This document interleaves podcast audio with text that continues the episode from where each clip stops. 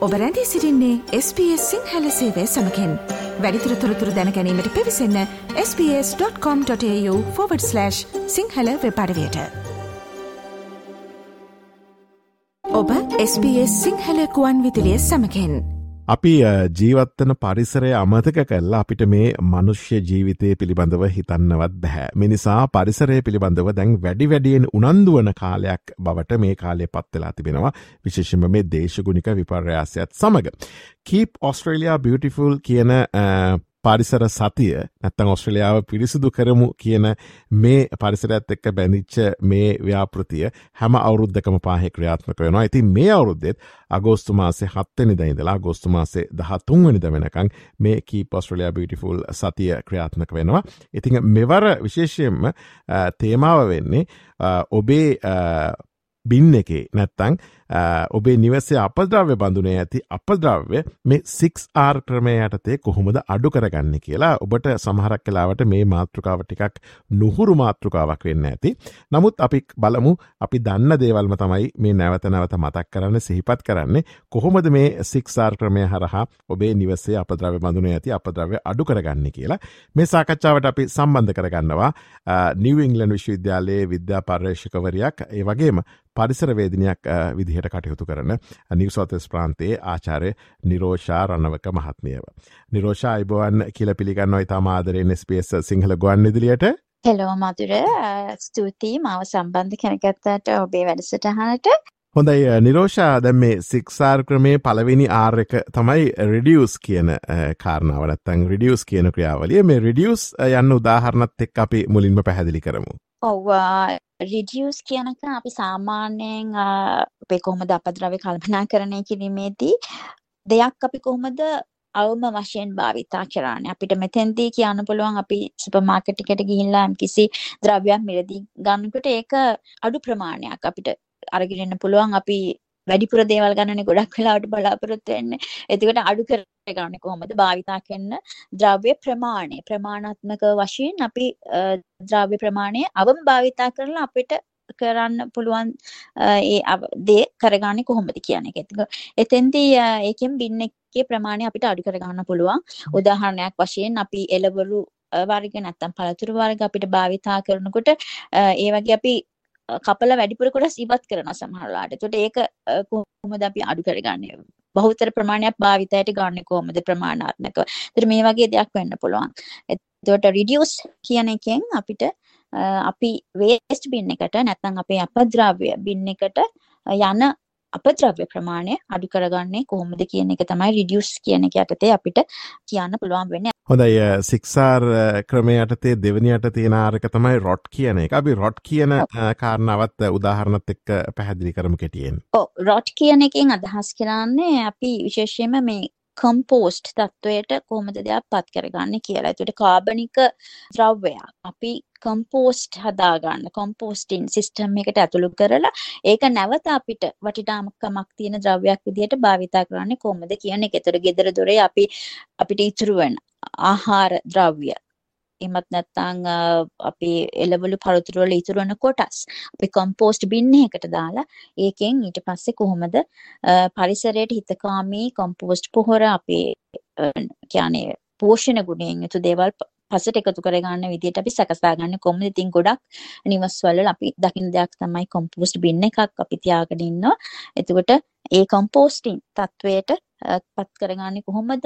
ඉවතලන මුද්‍රාභි කියන එක තමයි රොට් කියන එක යටතේ අපිට සඳහන් කරන්න පුළුවන් වෙන්නේ. හොඳයි තුන්වෙනි ආරක තමයි මේ සික්සාර් සංකල්පය යටතේ රිෆියස් කියන කාරණාව රිෆියස් කියන කාරණාවත් අපි කෙටියෙන් පැහැදිලි කිරීමක් කරමු අනිරෝෂා උදාහරණත් එක්ක. ඕ මදුර රිෆියස් කියන එක මම පෞද්ගලිකව ඉතාමත්ම මේ අගේ කරන සික්සල් සංකල්පයේ දෙයක් අපිට රිෆියස් කරන්න හැකියාවක් තියෙන්න ඕනේ යම්කිසි ද්‍රව්‍ය උදාහරණයක් වශයෙන් පොඩි දෙයක් වෙන්න පුළුවන් අපි තුම අපි බීම එකක් ගන්න කඩයෙන් බීම එකක් අරගෙන අපිට ස්ලෝ එකක් එක්ක දෙනවා. ඒතර අපිට පුළුවන් අපිට ස්ලෝ එක ඕනේ නැහැ.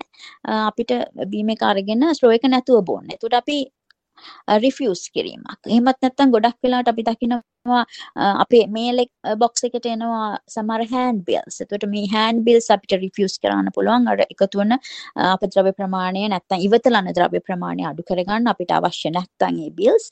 ඊළඟට පුළුවන් තව දෙයක් තමයි රිෆියුස් කරන්න හાર્ඩ් කොපීස් අපිට සමහර රිසිප් වගේ දේවල් නැත්තම් අපි සොෆ්ට් කොපි එකට යන්න පුළුවන්. සමහර පේමන්ට් කරපුවාම එන බිල්ස් වගේ දේවල් අප අඩුම කරගන්න පුළුවන්. තව දෙයක් තමයි ඔය මැගසීන්ස් වගේ දේවල්. අපි සමහර සබ්ස්ක්‍රයිබ් කරපු මැගසීන්ස් අපිට සමහර කාලයක් යනකොට අපිට අවශ්‍ය නැහැ. නමුත් නැවත නැවත අපිට ඒ දේවල් ලැබෙනවා.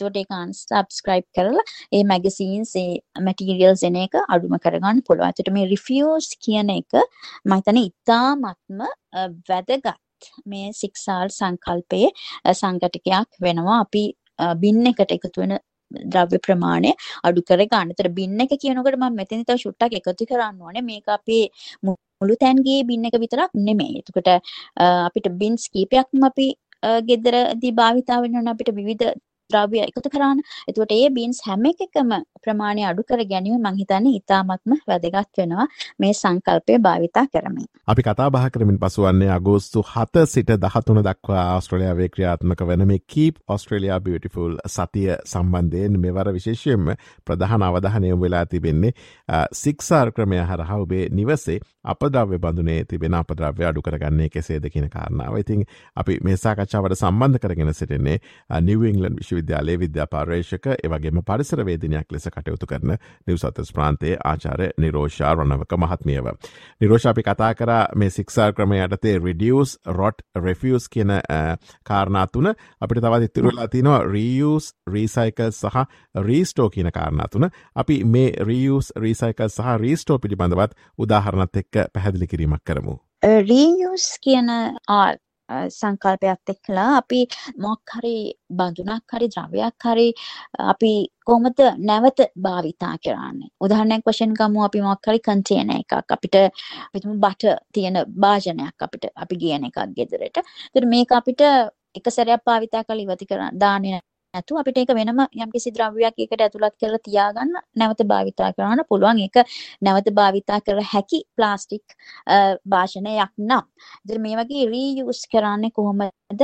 එක සැරයක් භාවිතා කරලා බින් එකට දාන්නේ නැතුව. එතකොට රීයුස් කියන සංකල්පයත් අපිට ඉතාමත්ම වැදගත් වෙනවා. අපි රීයුස් කරන්න පුළුවන් මැටීරියල්ස් භාවිතා කරන එකත් මෙතෙන්දි වැදගත් වෙනවා. අපි වෝටර් බොටල් එකක් පාවිච්චි කරනවා නම් ඒක ග්ලාස් වෝටර් බොටල් එකක් නම් නැත්නම් කොෆි මග් එකක් නම් ඒ වගේ දේවල් අපිට නැවත නැවත භාවිතා කරන්න පුළුවන් දේවල් භාවිතා කරමින් අර සිංගල් යස් එකපාරක් පමණක් පාවිච්චි කරන්න පුළුවන් ප්ලාස්ටික් වගේ ද්‍රව්‍ය භාවිතා නොකර සිටීමට අපිට එතකොට හැකියාවක් ලැබෙනවා. එතකොට මේ රීයුස් කියන සංකල්පයත් ඉතාමත්ම වැදගත් අපේ අර බින් එකේ ප්‍රමාණය අඩු කර ගන්නට. එතකොට ඊළඟට තමයි මේ R6R සංකල්පයේ අපිට එන්නේ රීසයිකල්. ඒතර රීසයිකල් කියන එක අපේ මේ පරිසරයට හිතකාමී ලයිෆ් ස්ටයිල් එකක් කියවන ක්‍රමයක් ගත කරන්නනේ අපි කවුරුත් කැමති. ඒතර අපි කියනවා ඒකට තිරසාර ජීවන ක්‍රමයක්. කට අපි දැන් යන්න ඕනේ පරිසරයත් ආරක්ෂා කරගන්න. ඒතකොට මෙතෙන්දී මේ රීසයිකල් කියන මේ සංකල්පය අතිශය වැදගත්. අපි මම හිතන්නේ ගොඩාක් ද්‍රව්‍ය රීසයිකල් කරන්න පුළුවන් දේවල් විදිහට එළියට අපිට මුදාහරින්න පුළුවන් නම් පින් එකට ඉතාමත්ම වැදගත්. මෙතෙන්දී අපිට වැදගත්ම දෙයක් තමයි අපි හඳුනා ගන්න ඕනේ කුමක්ද රීසයිකල් කරන්න පුළුවන් කියන එක. එතකොට හැමෝම ඒක අවධානයෙන් අවබෝධයෙන් ඉන්න ඕන. භාවිතා කරන භාෂණයක හෝ වේවා වෙනත් මේ උපකරණයක හේවා ඒකේ අපි සඳහන් කරලා තියෙනවානේ අදාළ නිෂ්පාදන ආයතනය මගින් රීසයිකල් කරන්න පුළුවන්. ඒ ලාංඡනය ඔබ හොඳින් හඳුනනවා. එතකොට ඒ සිම්බල් එක නැත්නම් ඒ ලාංඡනය හඳුනාගෙන ඒක අදාළ රීසයිකල් කරන බින් එකට අපි කොහොමද යොමු කරන්නේ? එතකොට ඒ අනුව අපිට පුළුවන් අදාළ රීසයිකල් ඒ ප්‍රෝසෙස් එකට නැවත කියන ප්‍රතිචක්‍රීකරණය කරන ඒ ක්‍රමවේදයට ඒ ආදාළ දේ යොමු කරන්න. ඒකට තව දෙයක් මම මෙතනදි සඳහන් කරන්න කැමතියි. අපි දැන් ගොඩක් වෙලාවට ප්ලාස්ටික් ප්‍රමාණය භාවිතා කරන ප්‍රමාණය අඩු කරලා අපි පේපර් බෑග්ස් වලට නැත්තම් පේපර් වලින් හදන දේවල් භාවිතා කරන්න පුරුදු වෙලා තියෙනවා. නමුත් අපි මතක තියාගන්න ඕනේ රීසයිකල් කරන්න පුළුවන් වුණත් ඒ වගේ ද්‍රව්‍යත් අපි අවම වශයෙන් භාවිතා කරන්න උනන්දු වෙනවා. මොකද අපි දන්නවා පේප බෑග් එකක් වගේ දෙයක් හදන්න අපි ශාක භාවිතා වෙනවා. එතකොට මේ පේප බෑග් එක නැවත ශාකයක් වෙන්න කොච්චර කාලයක් යයිද? ඒ නිසා රීසයිකල් කරන්න පුළුවන් දේ වුණත් අවම වශයෙන් භාවිතා කරන්න පුළුවන් නම් මම හිතනවා ඒක පරිසර හිතකාමී පිළිවෙතක් කියලා. ඒතර අපිට අවසාන වශයෙන් මේ 6R සංකල්පය හමුවන්නේ රීස්ටෝ. රීස්ටෝ කියන එක මම මෙන්න මේ වගේ උදාහරණයකින් පැහැදිලි කරන්න සරල උදාහරණයකින් අපි කොහොමද මේ භාවිතා කරන ඉවතලන ද්‍රව්‍යයක් නැවත භාවිතා කරන්න කියන එක තමයි මෙතෙන්දි මේ රීස්ටෝ කියන එකෙන් අදහස් කරන්නේ. අපිටම අපි දැන් අපේ ගෙවත්තේ තියෙන සමහර ශාක අපිට යම්කිසි කාලවලදී අතු මේ කපන්න සිද්ධ වෙනවා. ඒතට ඒවා මොනවා හරි හුළඟට කඩා වැටි වගේ දේවල් නිසා අපි කාලෙන් කාලයට පොඩ්ඩක් ඒවා මේ කපලා දාන ප්‍රූන් කරනවා. ඒතට මේ වෙලාවේදී අපිට ඒ වගේ කපන අතුරුකිලි ඒ කොළ වර්ග නැවත භාවිතා කරන්න පුළුවන් විශේෂයෙන් අතුරුකිලි කුඩා කොටස් වලට කපලා අපේ පසට මේ සරු පසක් නිර්මාණය කරගන්න පස්සට පෝෂණය එකතු කරන්න නැවත භාවිතා කරන්න පුළුවන්. එක හොඳටම උදාහරණයක් තමයි මේ රීස්ටෝ කියන සංකල්පය. අපේ අවසාන 6R සංකල්පයේ අවසාන එක තමයි රීස්ටෝ. හොඳයි. අපි මේ කතා බහ කරේ 6R ක්‍රමය හරහා ඔබේ නිවසේ අපද්‍රව්‍ය බඳුනේ ඇති අපද්‍රව්‍ය අඩු කරගන්නේ කෙසේද කියන කාරණාව මේ සාකච්ඡාවට අපි සම්බන්ධ කරගත්තා. නිව් ඉංගලන්ඩ් විශ්වවිද්‍යාලයේ විද්‍යා පර්යේෂකවරයක් ඒ වගේම පරිසර වේදිනියක් ලෙස කටයුතු කරන ආචාර නිරෝෂා රණවක මහත්මියව. නිරෝෂ බොහොමත්ම ස්තුතිවන්ත වෙනවා අප අසන්නන් වෙනුවෙන් අපිත් සමඟ සම්බන්ධ වෙලා මේ පැහැදිලි කිරීම සිද්ධ කරාට සුබ දවසක් ප්‍රාර්ථනා කරනවා. සුබ දවසක් මදුර බොහොම ස්තුතියි. මාව ඔබගේ වැඩසටහනට සම්බන්ධ කරගත්තාට. SBS SBS. SBS. SBS. SBS. SBS Radio මේ වගේ තවත්තොරතුරු දැනගන්න කැමතිද.